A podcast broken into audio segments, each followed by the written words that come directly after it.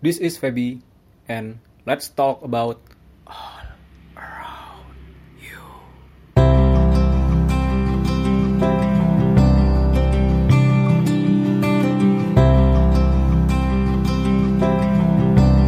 Di episode ini, gue akhirnya menemukan kata-kata opening yang kayaknya cocok deh.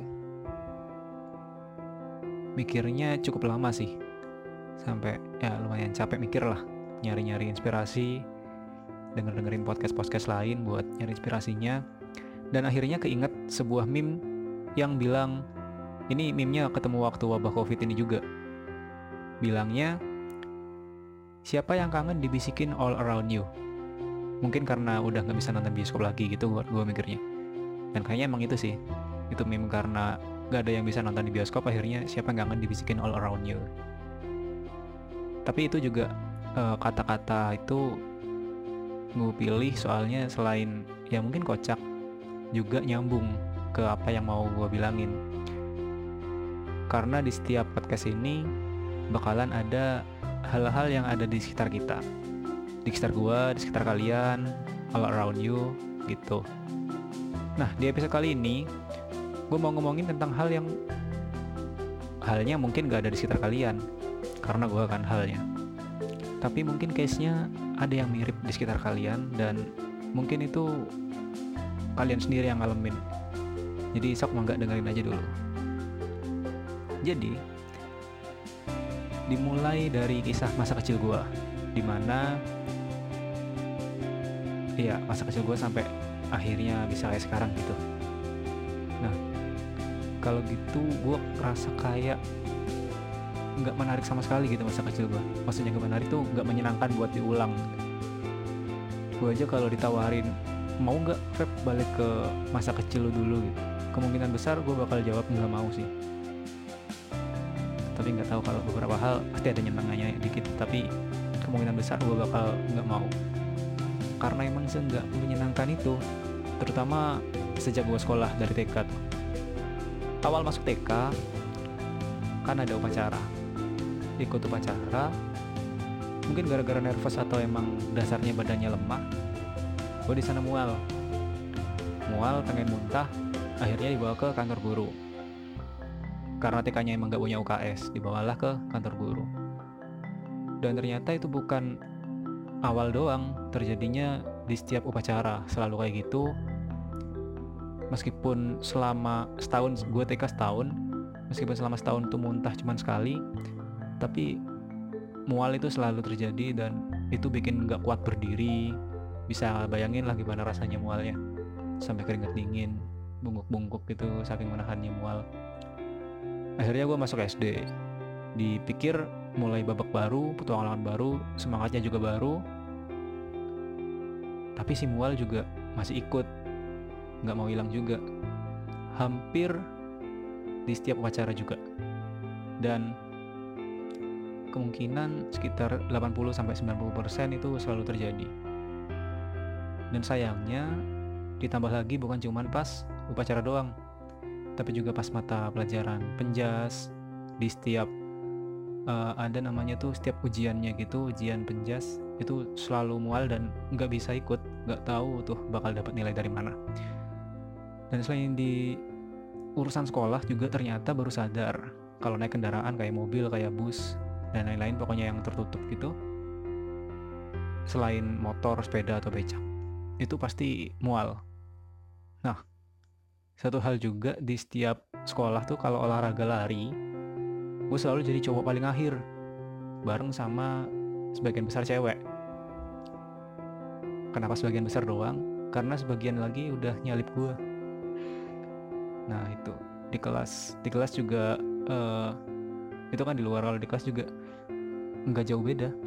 Kacau juga. Nggak pernah sekalipun masuk 10 besar dari kelas 1 sampai kelas 6 tuh selama SD dan puncaknya saat kelas 5 SD gue ngerasa kayak uh orang paling bodoh banget lah. Entah emang emang bodoh atau nggak tahu kenapa gitu ya mungkin bodoh sih. Sampai hampir nggak naik kelas. Kenapa hampir dan nggak naik kelas? Alasannya kocak si guru waktu manggil orang tua gue waktu rapotan bilang Feby naik kelas gara-gara adik kelasnya kebanyakan takut kelasnya nggak cukup. Gila tuh alasan macam apa anda kalau gitu nyari adik kelasnya yang banyak aja biar naik kelas terus kan? Nah di kelas 5 itu juga orang tua gue sering dipanggil saking bodohnya gue gitu kayaknya. Sampai pernah sekali si guru tuh cerita ke bapak gue yang datang katanya Feby tuh kalau di kelas serem. Nah itu guru paling galak tuh yang bilang yang suka marah. Dia bilang serem kan. Awalnya ngerasa bangga tuh gue wah dia berarti takut dong. Eh ternyata pas dijelasin lagi ternyata bukan serem kayak gitu tapi dia bilang gara-gara gue duduk paling belakang terus setiap pelajaran dia jelasin gue selalu liatin dia. Dan bahkan dia bilang katanya melotot. Tapi nggak ada materi yang masuk masih bodoh-bodoh juga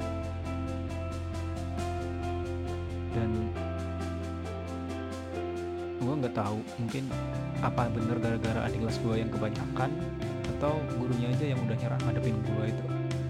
Akhirnya naik ke kelas 6 nah di kelas 6 ini akhirnya gue jadi anak yang gendut. Gendut banget.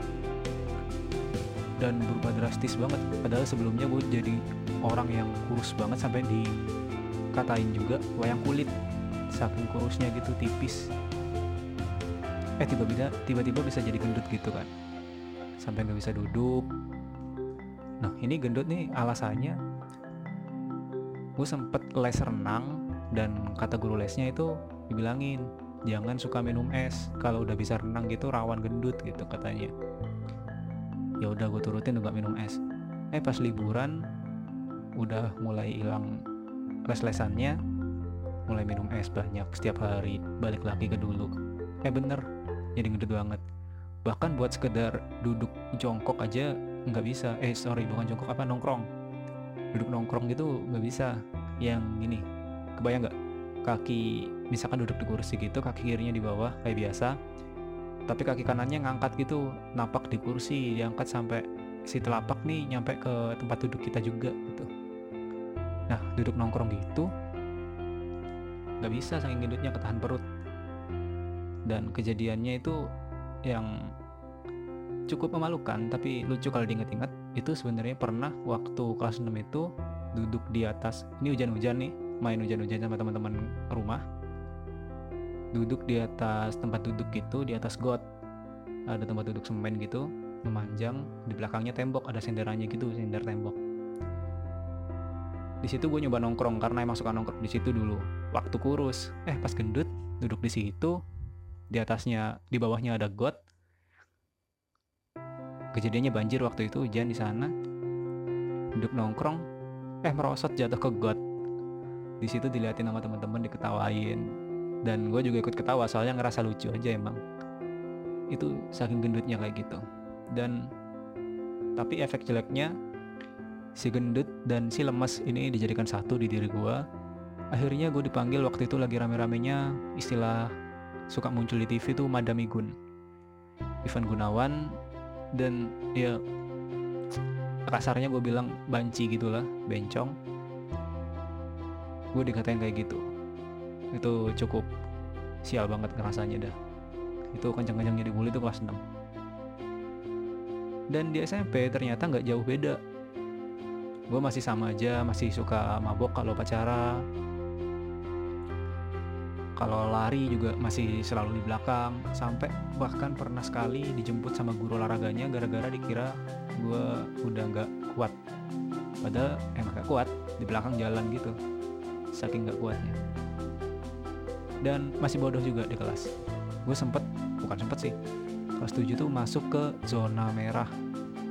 Zona merah tuh istilah buat anak-anak yang ranking bawah.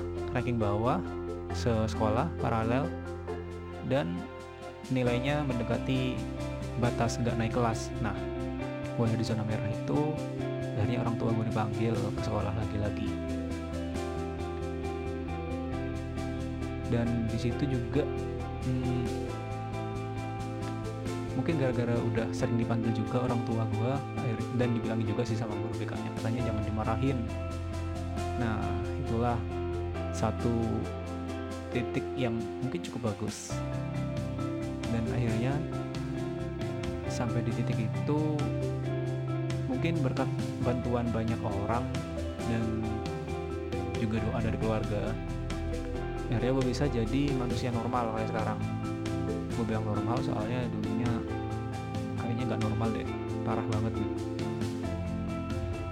Ntar gue bakal cerita gimana proses titik balik dari masa kecil yang kayak gitu ke manusia normal kayak gini. Di episode selanjutnya. Sekian dari saya. Semoga pikiran kita tetap jalan dan gak mandek. Stay produktif